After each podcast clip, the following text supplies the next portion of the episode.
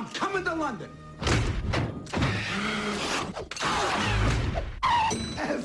Hoxe viaxamos a Mongolia.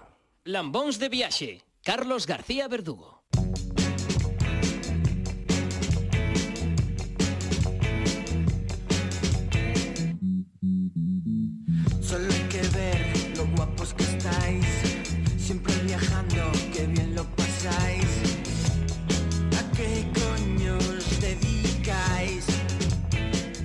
Saúdos, que tal, Lamonciños, como estades? Moi boas noites Pois hoxe temos unha viaxe maravillosa de, dunha parella que combina a súa paixón polos coches e a súa paixón por viaxar. Ímonos ir ata Mongolia, nunha das viaxes un pouco máis curiosas, máis raras, máis longas que temos contado aquí neste programa e unha viaxe eh, hecha de aventuras. Estaremos con Edgar Vigo, con Fátima Meneiro, os que controlades do mundo do motor en Galicia estades fartos de saber quen son, son dúas persoas sobradamente coñecidas eh, no mundo do motor, es que non nos saibades e desver que son dúas persoas maravillosas que ademais transmiten de sitio fenomenal a súa paixón por viaxar. Dani, hoxe imos, imos ir a Mongolia, Mongolia, Mongolia, Mongolia, cuidado, eh, eh sonanos aí algunha, re, algunha revista, algunha publicación, sí. algunha conta... Un señor cun águila na man, Exactamente, águila, pero un águila na man, sí, sí. que realmente é eh, de maneira importante que podemos comentar de Mongolia. Mm, mm é o país menos eh, que ten unha densidade de poboación menor do mundo. É dicir, o país é eh, unha punta empeza aquí en Fisterra e a outra punta remata en Grecia, aproximadamente. Wow. Eh, mm, claro, mm, é un país que só son 3 millóns de habitantes e un millón xa está na capital. Entón, claro, claro. hai moita leira aí. É dicir, hai, hai pouca xente máis que en Galicia, pero como se Galicia fose de aquí a Grecia. De aquí a Grecia, efectivamente. Mm, a súa poboación é basicamente nómada uh -huh. e seminómada, e o 30% desa poboación non, pero moita desa mm, xa está sentada na capital, entón quere dicir que que hai mm, teñen moi interiorizado eso de, de, de, de vivir nas estepas e nas montañas. Teñen eh, como, como, perdón, como religión o budismo tibetano, uh -huh. principalmente. Eh, e bueno mm... é unha é unha rexión que está eh, para que nos fagamos sí, unha idea, eh, está, no norte de, China, de, de, Ru de Rusia para lá e de China para cá. E de China ¿no? para cá. Sí, eh, sí, un pouco sí, así. Sí, sí. Eh, a súa Google capital de Lambos de viaxe que facemos. A súa capital é Ulan Bator eh E bueno, sempre pareceu moi exótico o feito de que de ver esas tendas de campaña enormes onde viven clans enteiros e, e van cosugando. Teñen unha historia de conquista, de conquistadores eh, espectacular. Claro, foi parte de China durante 700 anos, sete séculos. Entón, aí hai unha mistura de, de, de influencias rusas, eh, chinesas. E ali nese contorna encontramos o Mongol Rally, eh? un rally solidario, o que chaman eh, o Dakar dos pobres, no que eh, hai unha parte de cooperación, unha parte de propósito de axuda, eh, nunha carreira, nunha viaxe que parte distintas cidades eh, de Europa, Londres, Milán, Barcelona, na que se fan máis de 13.000 km en coches, en coches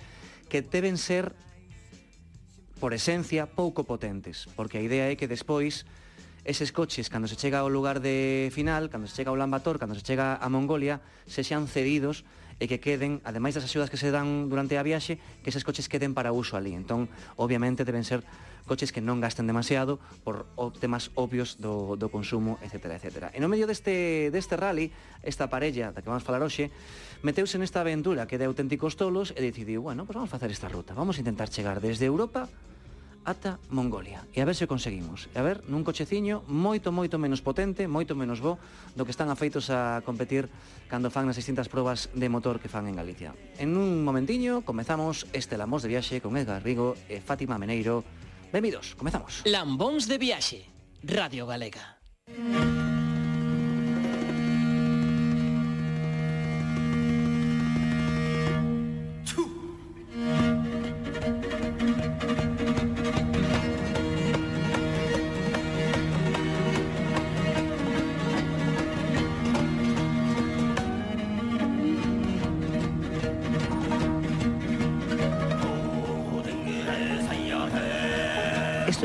comentar de mi principio.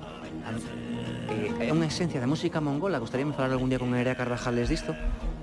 Eh, esta voz que, fon, que poñen así de José Luis Moreno con, con Rockefeller, eh, sabes? Eh, duofónico, ¿no? Que... Parece que está cantando Rockefeller, pero non, que son, son así eh, todos. Eh, con esta música, con esta música tradicional, é eh, eh, unha das metas que supoño que ansiaban escoitar no seu momento tanto Edgar Vigo como Fátima Meneiro porque supoño que significaba que estaban xa preto eh, da meta. Edgar Vigo, moi boas noites, como estás? Hola, que tal? Moi boas noites. Un placer noites. saudarte. Fátima Meneiro, que tal? Hola, moi boas, que tal? Edgar e Fátima son eh, unha parella desde hai moitísimos anos eh, en, en moitos ámbitos da súa vida, eh, no persoal e tamén dentro do coche que, que bueno, se xa, se, eh, obviamente isto non é de, de viaxes, etc, etc pero o primeiro que hai que dicir, sobre todo cando estiveche des 13.000 km metidos nun coche, se xa hai o estereotipo e o tópico de que se discute coa parella dentro do coche, eh, vos los dous que estades sempre encima competindo e agora vos metedes un rally de 13.000 km, imos comezar polo final. Houbo algunha discusión realmente complicada neses 13.000 kilómetros entre Europa e o final Mongolia nese, nese Mongol Rally? que dixésedes, ostras, eh, non imos chegar, imos ter que marchar só, só polo que discutimos? Pois, no, no. coido que non, eh? Hai consenso, eh, os dous digo o mesmo, ben, ben. Está pactado. Discutimos que va, pero mira que somos raros que non levamos eh, radio no coche, nin levamos USB para conectar música, nada. Imos falando durante toda a viaxe, todos os días, en todo momento, o sea que... bueno, é curioso eh, o que o que me contas, Fátima, eh, uh -huh. desas sensacións del, dun rally eso, de 13.000 kilómetros, nos que vas acompañado e non vas só, uh -huh. porque sí que nos ten pasado con máis viaxeiros. Eh, eu creo que coincide moita xente en que eh, cando un viaxa só sí que pode asimilalo a unha playlist que despois se trae de un montón de cancións que vais coitando nese viaxe, etc, etc. Pero cando vas con alguén, eh, sobre todo con que tes moi boa complicidade na túa vida, etc, etc. Estás vivindo cousas novas, e a verdade é que as conversacións xorden completamente espontáneas, son super interesantes, porque realmente o, o contexto o motiva. E supoño que no, no vosso caso tivo que ser así en moitos casos, casos aínda que noutros tamén debeu ser para resolver problemas, non? Porque no. tivo que haber moitos problemas, digo, da, da propia estrada, da propio camiño, etcétera, etcétera. A ver, moi chulo porque foi como experiencia, foi unha experiencia vital impresionante que recomendamos a todo mundo porque a verdad que vívense moitas cousas e cando chegas ali logo ves coa mentalidade totalmente cambiada porque unha experiencia de verdad que 100% recomendable pero tamén é certo que hai que dicir a verdade que, que foi moi duro, moi, moi duro, porque houve moitas pues, problemas de, xa digo, de seno en seno, de, pues, eso, pues, problemas que podemos tiver eso no coche ou casi, no, sino problemas de, de saúde, de, sabes, de atoparse mal porque foron unha media de 17 horas e media conducindo durante todos os días, eran coches, como decías antes, que eran, eh, sabes, de, de pouca potencia, pero íbamos cargados, eh, sabes, sufriban moito, entonces claro, son cousas tal, despois cambios alimenticios, que, que sobre todo Edgar estivo pues, moi moi pachucho, ata chegar un momento de, de decir, un punto de inflexión de temos que abandonar volver para casa ou non, pero a verdade é que é moi moi testarudo, eh, eh, quixo chegar, porque a verdad que era un logro chegar, e, eh, e eh, o conseguiu como un campeón, porque a verdad que o pasou moi moi mal. Pero entonces sí que é certo que eso vai, sabes, vai enriquecéndote, dicindo, veña, vas capaz de superarlo, son capaz, e, bueno, ao final sí que sí que se conseguiu a, a meta, vamos. Bueno, de entrada, eh, está claro que tivo que ser un rally durísimo, unha experiencia durísima, e a vez eh, directamente proporcional á, á sensación de, de riqueza que vos transmitiu, pero para que os que estades na casa, eh, que escoitades este do Mongol Rally, Edgar, moi rapidamente, por que se lle alcuma, por que se lle chama o Dakar dos pobres a este rally? Pois porque realmente a aventura automobilística máis complicada que hai eh, sin ser realmente competitiva. Aquí Ajá. o que, como comentabas ao comezo, pois o, o que se busca é a, a axuda humanitaria para facer a, a Mongolia, os organizadores pois foron uns tolos eh, británicos que decidiron ir cos seus coches bellos eh, que tiñan no seu momento e eh, comprobar a ver ata onde eran capaces de ir e chegaron ata Mongolia. Chegar a Mongolia viron aquelo e dixeron nos non nos podemos ir de aquí sin traer algo para aquí. E a partir de aí, pois, organizaron o Mongol, comenzaron a primeira edición sendo 20, despois 40, etcétera, etcétera, e cando fomos nós, pois, xa éramos eh, máis de 300 equipos e agora eh, no 2020 no 2021 eh, cancelouse pero sí que para as próximas edicións incluso está volve ter moitísimo éxito. Hai demanda, creo que xa están cobertas todas as prazas, non? Sí, parece que pola, bueno, a nosotros envíannos as mensaxes os organizadores todos os anos eh, a última mensaxe que lín creo que poñía que, que xa pechaban a, a fase de inscripción porque xa tiñan cobertas todas as prazas. Vale, Fátima, a meta de, de isto final entón é unha axuda humanitaria que unha xa medio avanzaba eu ao principio que que o chegar ali o coche co que chegáchedes, que, que aquí parecenos algo normal, pero en outros países é un ben super prezado, de feito, en, no, en moitos países de, de sudeste asiático, de Asia, o ben máis prezado é a moto incluso, máis que un coche, porque un coche é inalcanzable, eh, o coche en principio queda no país, non?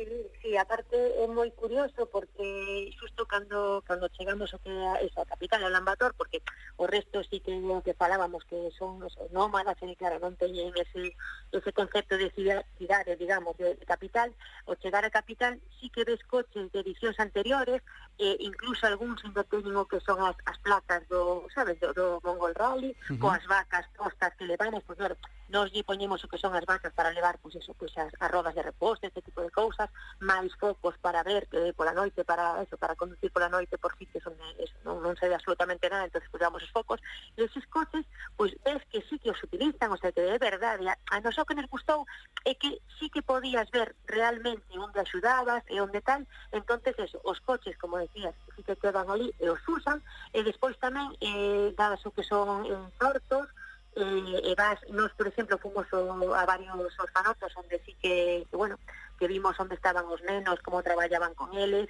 como aparte de darlles a enseñanza, pues era pois, eh, con, traballaban con música, con expresión corporal, e a verdade que, bueno, nos deron até un concerto ali, a verdade que moi ben, e despois levamos todo o que foi, eso, cada un eh, leva, pois, a maiores todo o que poida levar dentro do, do seu coche, leva, nos levamos material material escolar, que a verdade que, bueno, pois, que lles facía moita falta, o que eran pequenos xoguetes de, nada, onde que foran yoyos, estas cousas, pois que era flipante, a verdad que é que é outro é outro mundo, é outro mundo totalmente totalmente distinto a noso. Eh, son super agradecidos eh, e a verdade que eh, foi un foi un gusto realmente eh, facer este este Mongol Rally para, para poder axudaros e colaborar con eles, a verdade. Eso chega cando eres capaz de finalizar, cando eres quen de chegar ao, ao final, pero simplemente con o que son as normas, o que é eh, eh, a ruta eh, en xeral do Mongol Rally, eh, Edgar, Rápidamente, para poderlo explicar, eh, saen de varias cidades de Europa. Hai algunhas en concreto das que sae este rally, esta viaxe? Eh, en fin, no ano no que fixemos nós eran Barcelona, Londres e Milán, as, uh -huh. as cidades de onde se saía, e despois, pois, o que era a organización plantexaba os dous días da saída unha festa final eh, nun castelo en Clenova, na República Checa, onde chegamos todos os equipos de todos os lugares, acampamos ali, ali nos fixeron unha festa con eh, actuacións, eh, comida e bebida e tal para todos, e xusto rematar a festa, cando saías pola porta do castelo, había unha pancarta que poñía o allá volvamos eh, que tiña pinta de despedida, sí, sí. sí, sí, sí, e a partir de aí comeza o Mongol Rally de verdad. Porque o Mongol Rally si se caracteriza por algo e porque non hai organización. É dicir, ti tes que eh, decidir cal é a ruta que vas seguir, ti tes que decidir eh, cales son os papeleos que vas necesitar para entrar nos diferentes países, e ti tes que organizalo absolutamente todo sin eh, ter unha organización que che vaya a facer eh, ningún tipo de traballo de soporte eh, durante, durante a viaxe. A única, a única eh, cousa que estaba que estaba feita eran os papéis de exportación dos vehículos cando chegabas a ao que era a fronteira con Mongolia, porque ali sí que tiñas os papéis para poder deixar o coche en Mongolia. Vale. Eh, era o único que estaba xestionado pola organización. Todo o demais se, se dicían tes tres meses para chegar a Ulan Bator. Durante tres meses agardaremos. Se si tardas máis de tres meses xa non imos estar, eh, eh, tes eses tres meses para organizarte ti como poidas eh, e ser capaz de chegar. Bueno, en certo modo, pero, eh, en certo modo casi como prazo que lle dá de, das, dos, da volta ao mundo en 80 días, é dicir, os 80 días vou estar aquí e, son, son 90 e, neste caso. Eh, claro, sí, neste caso son, son 90, Dani. Mira, eh, unha cousa, sair a saída eh, de todos a vez, saen 300 coches así de golpe, ou, ou xa despois desa festa, faz eh, como decimos. equipos entre coñecidos para ir en, en grupos de cinco para, claro, supoño que un apoiará a outros e haberá solidaridade entre equipos, non? simplemente se acabamos salindo eso todos xuntos, o que pasa que cada un pois, sí que se vai apoiando nuns en outros, porque a ver, a, a velocidade depende dos coches, pois tamén é distinto, pero ao final te vas atopando con uns e con outros, porque se vai tendo problemas, un que pincha unha roda, outro que queda sin gasolina, outro que ten problemas para pasar unha fronteira, entonces ao final te vas atopando con todo o mundo, e claro, todo o mundo se vai axudando, porque todos temos a meta final de, de chegar ao Lambator, entonces hai que axudar, se non se por un, se mañan por outros, eso sí sí que é verdad. Eh, Edgar ou Fátima, calquera dos dous, porque está é complicada. Sodes capaces de lembrar por orde os países polos que pasastes para chegar a Mongolia? Seguro que sí. A ver, veña, dalle, Edgar, va, xa que vas eh, tan seguro. España, Francia, Alemania, eh, República Checa, Polonia, Rusia, Uzbekistán, Kaz bueno, Kazajistán, Uzbekistán, Kazajistán, eh, Rusia e Mongolia. Wow. Pasades dúas veces por, un, por lo mesmo país. Sí, porque son países de tanta extensión que ao final pois pasas por eles varias veces. Iso foi pola, porque nosotros decidimos pois facer unha boa parte da ruta da seda, entón quixemos ir ata Samarcanda en Uzbekistán, e ao meternos en Uzbekistán, pois tivemos que entrar a través de, de Kazajistán pola ruta pola que íbamos nós, e despois, para sair de Uzbekistán e volver a entrar en Rusia para entrar en Mongolia porque China non nos permitía a entrada, pois pois tivemos que facer así a, a ruta dese xeito. Por que tiñades, Fátima, esa idea de facer a ruta da seda? Por algún motivo, algunha promesa en, en concreto? Tiñades simplemente curiosidade? Non, a ver, é unha das, das rutas que sí que é máis seguida, porque realmente, aparte, para tamén levar axuda, que é outros puntos importantes, e aparte, se facer a, a ruta da seda, que, hombre, é o, é o, o, máis, o máis famoso, o máis tal, entonces sí, para intentar facer unha, unha, unha ruta que fose, que fose paralelo a nós, entonces eh, foi o que, o que intentamos. Eh, realmente, iso, pois, tamén foi un universo por, por descubrir totalmente e que, e que mereceu a pena ir a, a protestan totalmente, porque sí que era un dos países que aparte nos decían de, daquela que eran un dos oito países máis peligrosos do mundo para, para viaxar, sabes, en plan, oye, aquí ten de cuidado, tal, e sin embargo foi todo, todo o contrario, simplemente chegar á fronteira xa eh, a, propia, a propia policía e a xente que estaba ali nos indicou como por onde tiñamos que ir, axudáronos en todo momento, sitios que, mira, xa que pasades, non perdades para visitar isto, para isto, eh, nada, simplemente pasando pola carretera tampouco vos desviedes non, e eh, realmente axudaronos moitísimo e eh, xente moi moi ben e, eh, e vamos, realmente non é para nada iso que, que nos asustaba dende, dende fora, digamos e, e de feito, pois, dende aquela, pois, sí que a xente animouse moitísimo a ir eh, por esa ruta porque sí que, xa digo, sí que merecía moita pena. Porque, Fátima, ah, um, esta esta clase de, de turismo xa os países ou polo menos as fronteiras xa coñecen, aí veñen os tolos europeos a traer cos coches ou xa coñecen esa esta clase de actividade nas fronteiras ou mm, é algo que lles colle sorpresa?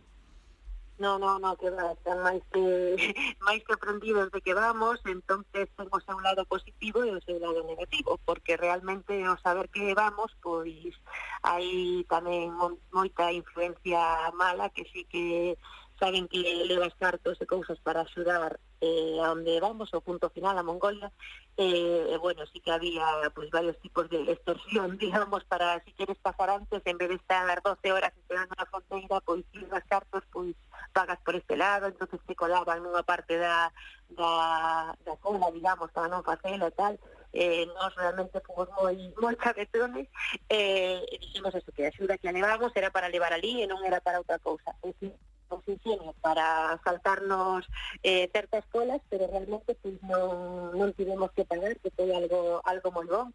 Realmente fixemos a viaxe falando todo, todo en galego, que non sabíamos falar eh, inglés, por suposto, pero nin, nin español tampouco, entonces non había ninguén que se poidera sabes, comunicar con nós, entonces pois así sí que fomos falando moito, aparte por mímica e por tal, eh, houve moitas, moitas anécdotas curiosas de que nos pedían eso, euro, yen, dólar, eh, Edgar, sí, sí, eu son Edgar, encantado, encantado. No, no, no, Edgar, no, euro, euro, queremos euro. É fantástico, eso. así que no, no, no. contra a extorsión a internacional das fronteiras, etcétera, etcétera, eh, ti fala en galego. Retranca. Eh, re, retranca total, claro, retranca hidro, idiomática total, moi ben. Eh, Totalmente, clarísimo. no, no, no, de eh, verdad que sí. Eh é unha das maiores leccións que, que levamos da viaxe. Eh? O tema ese de eh, si chegas a calquera fronteira ou te para a policía para extorsionarte, o último que tens que facer é falar nun idioma no que che poidan entender.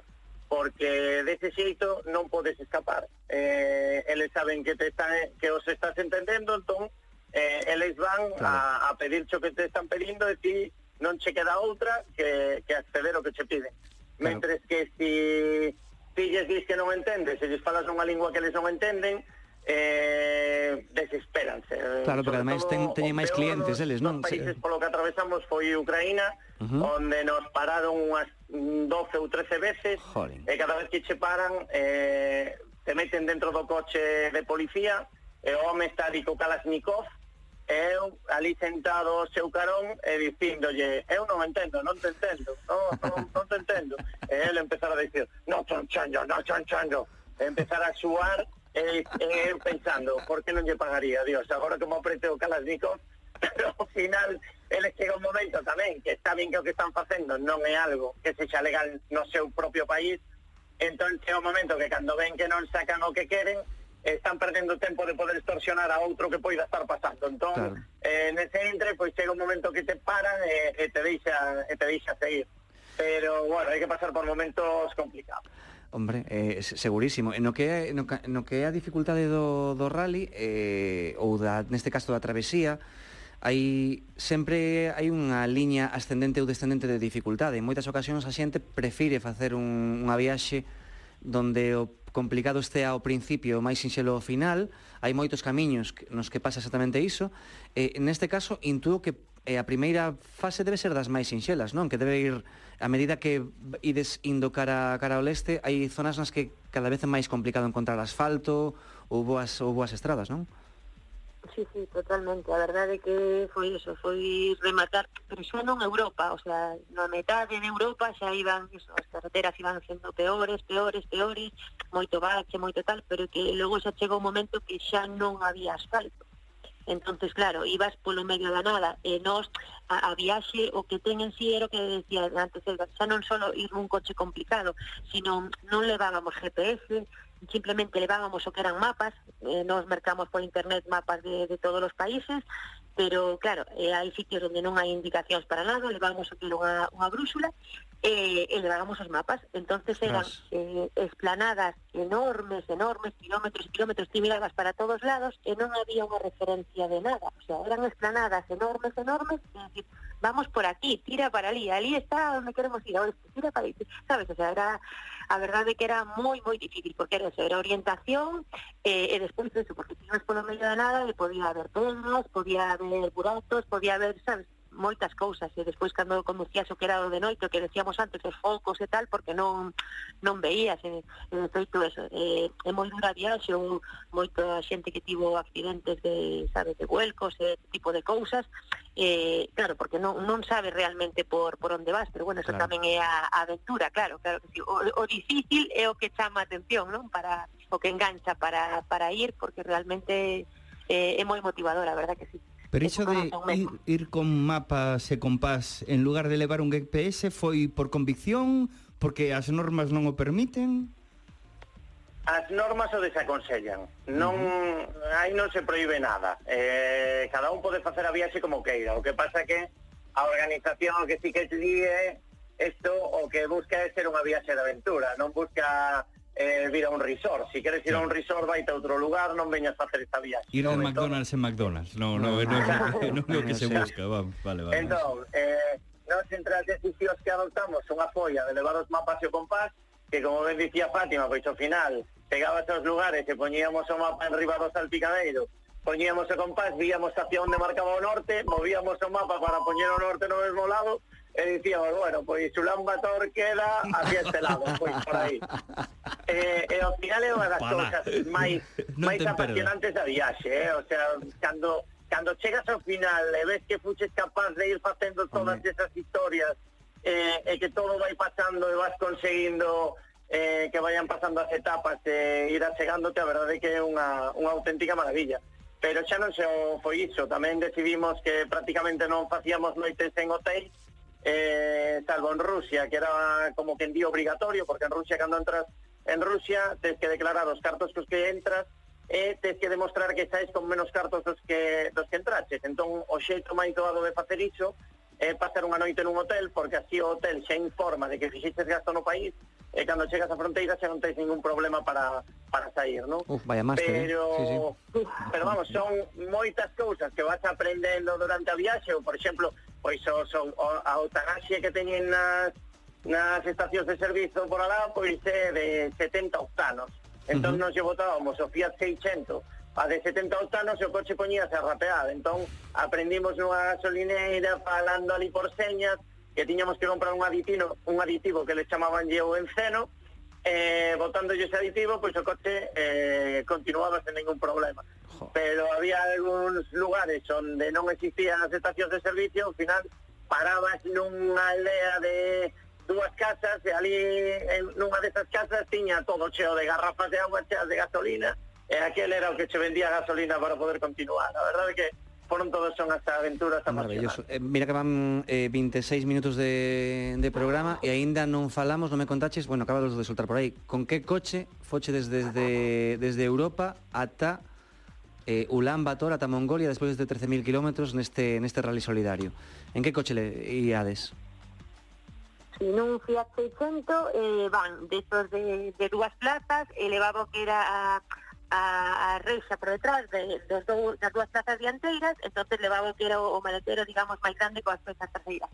Eh, e fomos, eso, nese, nese coche, que a verdad que chegou impresionante porque xa digo, a verdad que foron moitas aventuras de cruzar ríos, de ter que tirar eh, un tractor de nós para cruzar un río porque era super profundo, tivemos que tapar todas as aberturas, tapar todo para que non non entrara auga dentro porque realmente non existían pontes nese estilo, entonces tivo que tirar de nós, meteuse o coche ata baixo de todo, e, e bueno, sí que sufrimos moitas cousas, pero sí que, que conseguimos iso, despois zonas de moitísimo calor, zonas de moita, moita area, moita terra seca, eh, e bueno, pues sí que aguantaron todas todas esas adversidades para, para chegar. E que maletas, eh, leva, bueno, pues... que, que maletas levabades? No, porque de entrada o coche é pequeno. Entón, que, cale, cale a vosa... Non que, que irades deixar, etc. O que levabades vos, que era? Mira, non só era nada de nada. Nada? Dúas mudas. Unha mochila. Claro. Dúas mudas para, para tres meses de viaxe? Eh, iso sí, non sei se felicitarvos ou dicirvos que sodes uns porcos, de verdade, non sei que... Moitas, moitas toallitas de bebé, eh, moitas cousas polo estilo para cearnos todos os días, pero podemos contarvos a anécdota de que cando ti entras en Mongolia, eh, como comentabades antes, pois os mongoles son eh, nómadas ou seminómadas, entón eles teñen unha cultura co totalmente colaborativa, están afeitos a que como eles móvense detrás do gando, cando o gando se desplaza para un lugar diferente onde teñen eles a súa residencia, pois eh, chegan a outra zona onde hai algunha outra desas tendas eh, tipo circo que usan eles como casa, que uh -huh. chaman os herds, Entón, eh, calquera que se vai desplazado chama a porta de calquera casa, eles automáticamente abren as portas da súa casa para que entres, danche comida, danche dormida, danche todo o que teñen para, para axudarte a, a que continúes na, na tua viaxe, non? Entón, nosotros fixemos noite eh, varias veces con eles, eh, claro, ti entras nesas casas rodeadas de jack que apesta a, a todo o que, pois, a pois todos os animais que teñen ao seu alrededor, entras naquela casa na que o que empregan para cociñar pois é eh, a caca dos jacks eh, seca para queimala, eh, cando nosotros entrábamos dentro do seu ger, eles eh, abrían todas as, eh, as alfombras, porque realmente so, cubren todo como con alfombras para para taparse do, do exterior, e abrían as alfombras para que entrase aire porque cheirábamos e que apestábamos para eles. Para non ser aquilo, pero para eles éramos nós, sabes? Sí, sí, sí, é, é, é certo. É certo, incluso a, a, moito, a moita xente a colonia lle cheira fatal, claro, claro que, eh, non, precisamente por non estar acostumados. Bueno, estamos falando con Edgar, con Edgar Vivo, Edgar Vigo, perdón, e con Fátima Meneiro, eh, dous apaixonados do mundo do motor super coñecidos aquí pola, pola comunidade que, que lle gustan os rallies en Galicia e agora coñecidos para todos vos porque vedes que están teñen un puntiño de tolemia. Fixeron hai varios anos o Mongol Rally, un rally eh, solidario no que tiveron que percorrer 13.000 kilómetros pasando por un montón de fronteiras para chegar a Ulan Bator, a Mongolia e, entre outras cousas, entregar o coche con que competían. Imos acabar de ver como finalizou este rally, pero antes, igual que falábamos de, de maletas, cando levamos algo máis de maleta, algo máis de un par de mudas, como dicían agora Edgar e Fátima, ás veces hai que, hai que facturar. E vai nos contar Nico Álvarez que pasa nos aeroportos cando facturamos. En Lambóns de Viaxe, historias de aeroporto.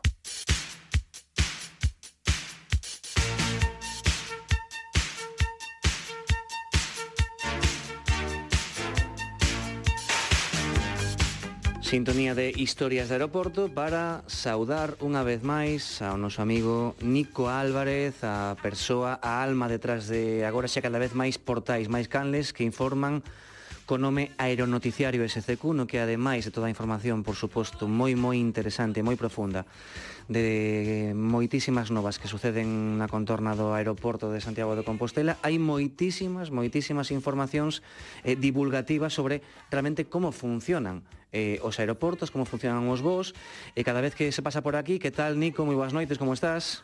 Moi boas, moi ben. Cada vez nos comentas así alguna cousa que hai de ser moi curiosa e, e que estamos feitos a ver, pero que o mellor eh, descubrimos cada vez cousas novas. Por exemplo, por exemplo, unha das cousas que a min me ten medio tolo sempre é eh, realmente esa viaxe paralela, esa viaxe eh, interior, íntima, eh, que fan as maletas cando facturas. Eh, porque hai un momento, sí que é certo que en, en algúns países é realmente moi moi analóxico, se marchas a algúns países do sudeste asiático, ven un jichiño e colle a maleta e xa ves como a leva directamente a, ao avión, pero non é que pasa nos nosos aeroportos. O tío que ves é a alguén que lle pon unha pegata e de aí que acontece, que pasa? Por que temos sempre tanta, tanto nerviosismo de Dios mío, vanse equivocar, non van meter co que complicado que van, van, vanse equivocar de avión e van meter a maleta no que non é.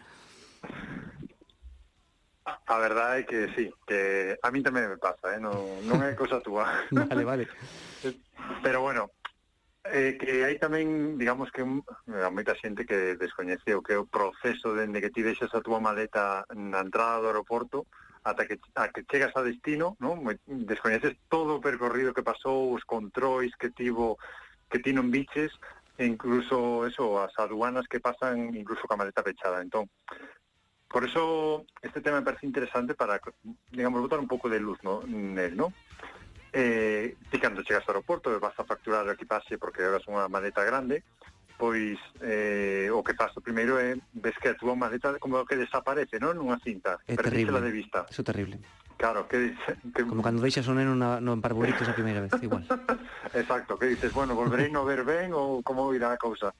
Pois, eso, Eh, desaparece da túa vista, pero detrás hai un traballo importante, xa non só da, do persoal da compañía aérea, que ten que poñer correctamente o código que lle corresponde ao teu destino, donde vai a túa información básica, é dicir, tives un código de barras, pero aí vai a túa dirección personal, co contacto e o destino onde vas, é dicir, estás fichado, por decirlo así, non? Uh -huh. Entón, tamén detrás está tamén o traballo das, dos corpos e portas de seguridade do Estado, porque eh, sobre todo en certos destinos, pois poñenlle controis de aduana pues, con cans adestrados para buscar drogas, para buscar se si levas algún tipo de contrabando. Eh, bueno, son un proceso longo. Que despois é verdad que moitas veces os vemos nun carriño pasar pola plataforma do aeroporto e dicía como van as pobres maletas, pero antes de chegar aí, te digo, fan un, un percorrido que para que nos fagamos unha idea, na Lavacolla son unos 6 kilómetros 6 kilómetros de, cin, de cintas que percorren o subsodo da terminal.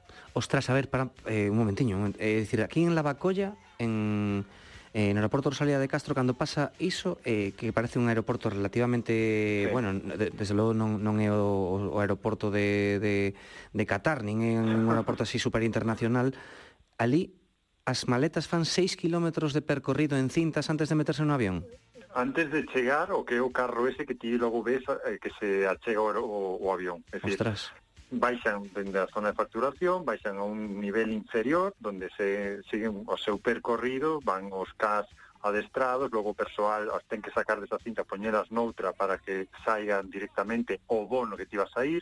En total, hai uns 5 ou 6 kilómetros de percorrido de cintas que a xente non ve porque, claro, están nun, nun nivel inferior. E, e esas, e esas cintas non, non fallan, verdad? Eso vai malladiño, non porque ah, eh, eh, a, a miña impresión é canto, canto máis kilómetro de cinta, máis opción de, de fallar e de pararse, e de perderse a maleta que a frustración e a ansiedade que xenera cada vez que te desprendes dela. A ver, está todo moi controlado, é verdad que se poden eh, despistar, por decirlo así, pero uh -huh. non, non no percorrido da cinta, é dicir, sempre volvemos ao mismo. É un erro humano que no, na zona de facturación pode ser que ou, ou a pegatina non este ben pegada, entonces cando vai na cinta despegaste esa maleta, claro, non sabes para onde ten que ir, e que apártana, Ajá. Co cal, por eso non che chega a ti, porque ao non ter unha identificación teñen que buscar a ver de onde ven esa maleta. Vale. Pero, é dicir, no que no proceso de cinta, se si está todo correcto, non ten por que nin haber ninguna anomalía. Bueno, despois dese percorrido longuísimo de 6 km aproximadamente, por exemplo, no aeroporto de Santiago, que fan as maletas antes de, de subir o avión, chegan a esa especie de carriño que, que dá sensación en moitas ocasións casi que retrocedes 35 anos no, no tempo e van as pobres todas aí todas eh, xuntiñas, ti xa pensas que, que rompeu todo o que levas dentro da maleta, etc, etc supoño que tamén é, é, é común e de ali van ata o avión directamente canto tempo antes teñen que, que estar, como son os protocolos? Bueno, en canto aos tempos depende de cada compañía, ¿no? Porque hai compañías que teñen entre bo e bo pois 25 minutos, que isto estou te ponendo sobre todo exemplo de compañías de baixo custo, pero se estamos falando xa de outras aerolíneas, ben, xa Lufthansa, Iberia ou Qatar ou Emirates, aí como os tempos son máis longos, que hai unha hora entre bo e bo, máis ou menos, pois entón teñen tem, eh, plazos máis amplos, ¿no? Uh -huh pero ti pensa que nas compañías de baixo custo, aparte de que a facturación da equipaxe, digamos que é xa algo pouco usual, porque a maioría van con equipaxe de man, pois aí tardan moi pouco, porque a mellor son cinco ou seis maletas que logo se, se facturan e se tramita rápido hasta chegar ao bodega do avión. O que comentas da imaxen de ese pequeno ou gran Tetris de maletas, non? Que, que uh -huh. ves pasar e que pobre o que levo aí dentro como estará. Pois eso o, o personal da compañía a verdade é que non lles envidio o traballo, xa che digo, porque chova, neve ou faga sol teñen que estar aí carrexando as maletas dende o carro ata a bodega do avión.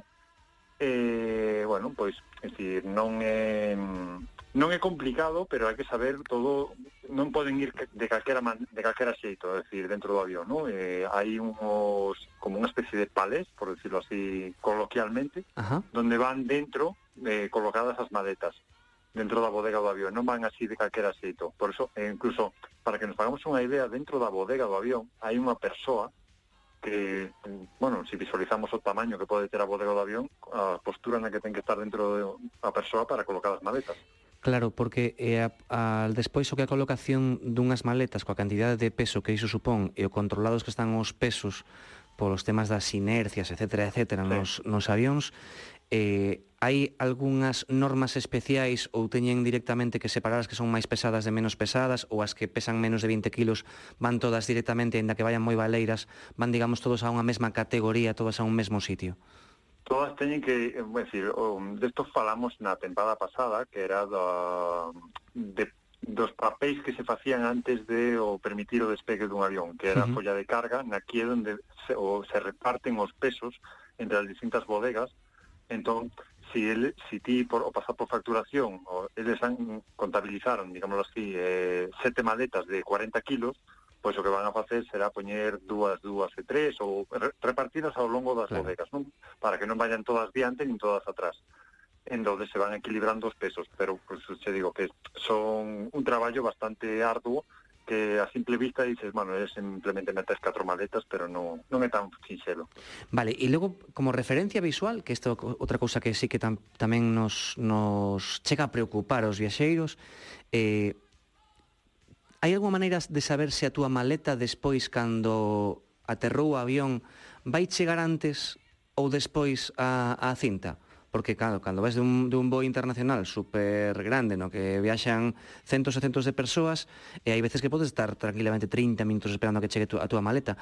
Hai algunha maneira de saber eh, cando ves como entra a maleta eh, si, bueno, esta vai salir das primeiras non, vai salir das últimas, non me vai chegar ou non ten que ver, depende despois da organización toda da logística de como chega a cinta final todo depende da, de como da logística, digamos, do propio aeroporto. É dicir, unha vez que lle aterra o avión e xa ti... Non, porque normalmente, cando aterra o avión e, e xa está parado, digámoslo así, nese momento en que sabes que toda a xente se sacou o cinto de seguridade e se monta un holgorio dentro do avión, Vale, pois nese momento escoitarás certos ruidos que son cando se están abrindo as bodegas do avión, que incluso non se abriron as portas para poder desembarcar. Uh -huh. Aí os operarios comenzan a retirar as maletas e metelas dentro do que sería un carro outra vez, o, o proceso inverso, non? Claro. Volvelas a colocar nun carro para levalas á cinta de equipaxe.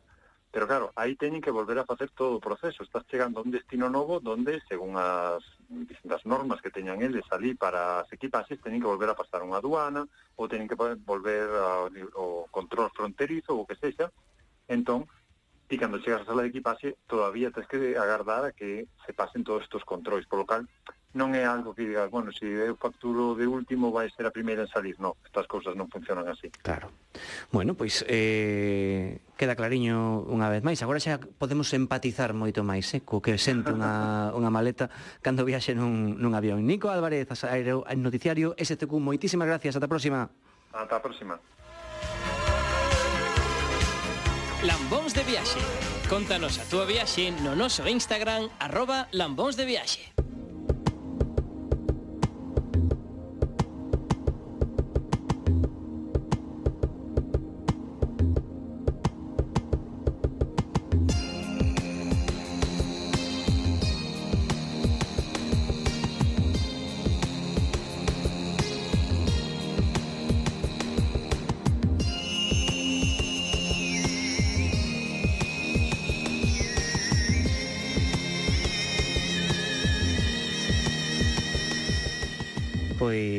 Podedes imaginar, despois de case tres meses de viaxe, despois de pasar por moitísimas, moitísimas fronteiras, e despois de facer máis de 13.000 km nun 600, as sensacións que se poden empezar a, a albiscar cando un entra nun país empeza a escoitar a música propia dun país, neste caso, a música propia de Mongolia.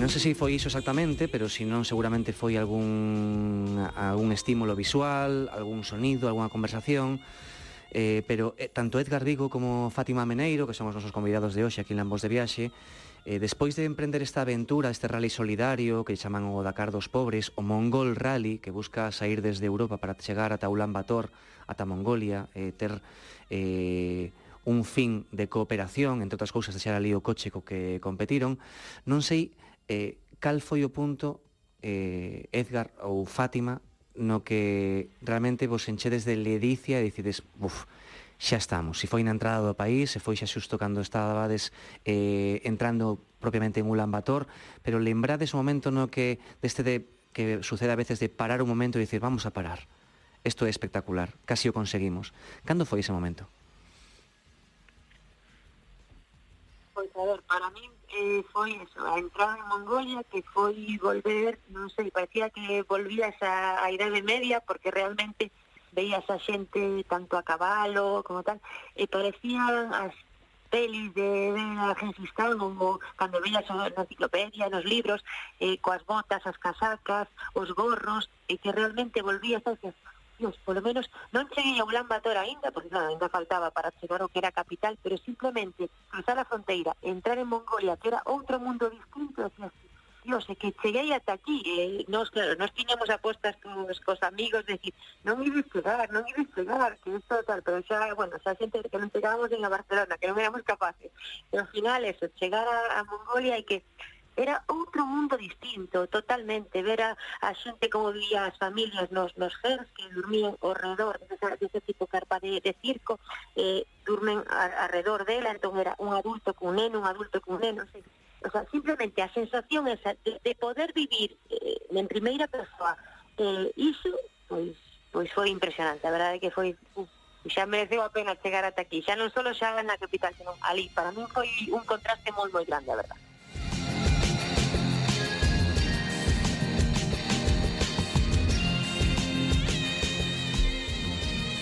E como noutros países eh, que son casi mm, unicelulares ou que teñen unha cidade que, que protagoniza todo ou que teñen algún elemento que protagoniza todo, por exemplo, Exipto, que ao final casi máis que un país é, é un río, e ao redor dun río acontecen cousas, e realmente en Mongolia, como dicía antes Dani, son pouco máis habitantes que Galicia, pero claro, en extensión, é casi desde Galicia ata, ata Grecia, pero un tercio desa xente ten unha cidade no medio que ten casi un millón de, de habitantes.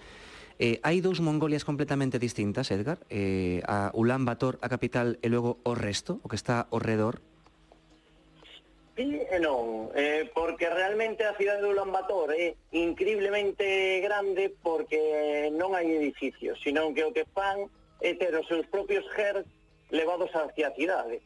Eh, toda a cidade está formada esas tendas de campaña que están montadas por toda a cidade a excepción dunha un par de rectas que hai no centro da cidade que sí, que ten ali eh, algunha estatua e eh, algunha praza grande, pero o resto da cidade é toda en extensión eh, en pequena en pequena altura. Entón, eh, realmente, salvo esa zona eh, principal, que para que vos pagades unha idea, cando chegamos a meta do radio, primeiro que falamos con da organización, ou chegar xusto ao punto eh, a finish line do... Eh, falamos ali con eles e lles dixemos eh, se si nos podían aconsellar algún hotel na cidade. E a primeira pregunta que nos fixeron foi queredes auga quente ou fría? E dixemos, home, queremos auga quente que levamos moitos días eh, de viaxe tirados por aí. E dixeron, pois se queredes auga quente solo é aquel dai. No resto van ser todos de auga fría. Entón, imaginadevos que tipo de, de cidade eh, pois é o Lambator, eh, que eh, quitando iso, pois, sí, bueno, sí. tamén había algún hammer pola rúa. Pero, pero a realidade é que, é que a, a sensación é, é prácticamente, pois, igual que no resto do país, de, de ser un, unha vida completamente diferente da que, da que temos nós aquí. Pero, eh, en, a ver, é que estáme custando entendelo. Eh, a cidade se monte se desmonta según... Non, non teñen leiras en propiedade onde montan a tenda ou montan a donde, onde ou son cadra? un montón de tendas acumuladas unha tras outra, en vez de, en vez de ter nah, edificios? Están, están as tendas acumuladas unha tras outra. Non, mm, non quero dicir que esas tendas as movan. Ali xa teñen perennes, vale. non? Xa cando chegaron á cidade, pois se implantaron ali e ali quedaron. Eh, vale, pero vale. sí que a construción é exactamente a mesma, que te atopas polo medio da estepa, noutra desas características curiosas que é que cando vas polo medio da nada eh, e de repente paras co coche para calquera cousa, non pasa media hora e empezan a aparecer persoas polo lugar. E ti dices, onde apareceron? Porque eu miro hacia os lados e non hai ninguén en ningún sitio. Wow. E de repente aparecen persoas por ali camiñando que veñen ali onda ti, e por señas, eh, pintando na terra e tal, pois faz unha conversa con eles, compartes con eles un bocata, eh, face un cacao que seña, eh, e a verdade é que son unhas sensacións brutais. Fátima, cando finalizou a aventura, cando de xeito exitoso para vos, despois de 13.000 kilómetros, desde Europa ata Ulan Bator, ata Mongolia, eh, hai que cumplir. Eh, ao final isto como unha cousa relativamente triste, porque supoño que lle collestes mogollón de cariño ese Fiat eh, 600 que levabades, pero hai que despedirse del porque unha das condicións é deixarlo a xente ali en, en Mongolia. Eh, como foi esa despedida? Choraches? Es, é, é, é máis burocrática e protocolaria do que parece? Ou abrazo, foto? Sí, sí, bueno, hubo, hubo de todo, ¿Sí? fotos, 50.000 fotos, hubo de todo. O, o primeiro que fixemos a chegar ali foi, bueno, limpar como podíamos limpiar todo que levábamos eso, porque dentro do coche, pues decíamos, pasamos por eso, moita terra, moita area, moito polvo en suspensión, porque houve momentos que íbamos con eso, con mascarilla dentro do coche de todo que non podía respirar de, sabes, de todo como estaba todo todo polvo aí.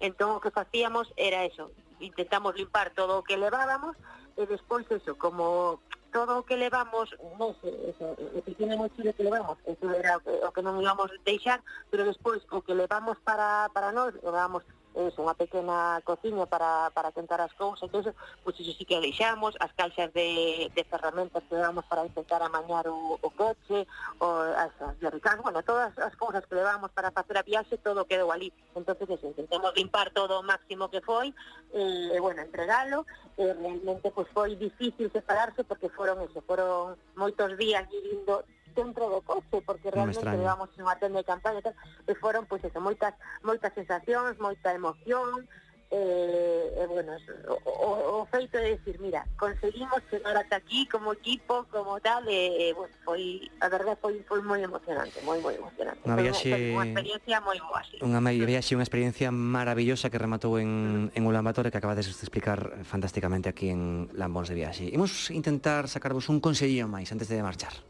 En Lambons de Beache, Recunchos.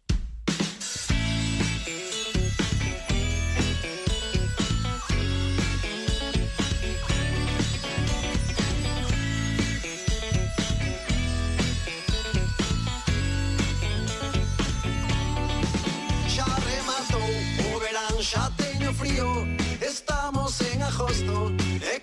pasarme esta noite contigo Sin frío, non me importa Os monolios sempre nos marcan o final do programa E antes de marchar sempre os nosos convidados Que son expertos viaxeiros máis aló das nosas fronteiras Tamén lles pedimos que nos digan Fátima Meneiro, Edgar Vigo, onde pasaríades vos unha escapadiña aquí en Galicia? Cal é un dos vosos recunchos favoritos aquí en Galicia, Edgar?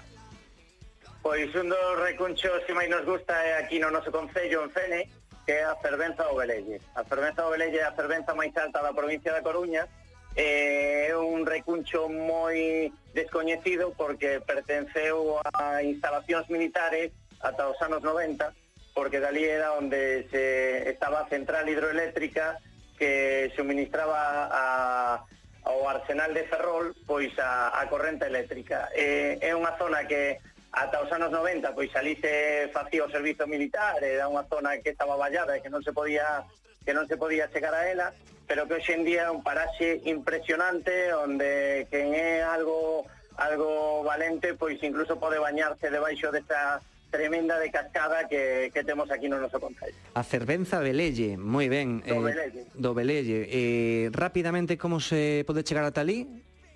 Pois para chegar ali é moi doado. Eh, sobre todo hoxe en día que existe Google Maps estas cousas, pero vale. para, para chegar eh, desplazándose dende Pena hacia o Concello de Neda porque hai que bordear o que o, o monte no que, no que se atopa esa servenza, entramos pola zona do Roxal, que é unha zona típica de tramos de rallies aquí na zona de, de Ferrolterra, eh, e xusto dende a zona do Roxal en Neda, pois hai un desvío que se pasa por un por un pazo que chaman o Pazo das Condesas e despois de pasar por ese pazo chegamos xa a un aparcadoiro a partir do cal pois hai que camiñar durante kilómetro e medio para chegar a, a onde está esta, esta maravilla, esta fermosura da natureza que temos aquí. Bueno, pois pues queda clarísimo, quedamos con esa, con esa recomendación. Eh, e sen máis vámonos despedir eh, agradecéndovos moitísimo. Eh, xa vos digo que foi unha das viaxes máis maravillosas que temos comentado aquí en, en Lambios de, de Lambos de Viaxe chea de retranca galega, de, de curiosidades. Eh, nunha relación a que temos Edgar Vigo, Fátima Meneiro máis eu curiosa desde sempre, sempre nos levamos moi ben cando eu facía daquela o Galicia Ras e que a última vez que nos vimos pre-pandemia, ainda que non vayades imaginar foi en Fiji no lugar máis feo que pode haber de Fiji, probablemente, que que é moi preto do, do aeroporto, creo que se chama o aeroporto de Nadi, creo que era o de Fiji, non me lembro agora moi ben como, como é, e, e ali nun sitio de backpacker super cutre que, que hai que un pongo punto de saída, polo visto nos cruzamos, e o, o mellor foi que nunca nos saudamos nese momento, démonos conta despois en Guailaloa Beach. Guailaloa Beach que significa auga negra e eh, que era a única praia de todo Fiji que non tiña auga cristalina. Increíble. Bueno, pois Edgar Fátima, un placer. O gallá que nos vexamos pronto e eh, eh, por aquí preto. Graciñas por todo, moito ánimo e grazas por compartir as vosas experiencias con nós. Unha aperta enorme, chicos. Adeus. Veño, unha aperta enorme. Dani, moitas gracias. Boa noite. E a todos vos, Lamonciños, vémonos e coitámonos a próxima semana aquí en Lamos de Viaxe. Solo que ver lo guapos que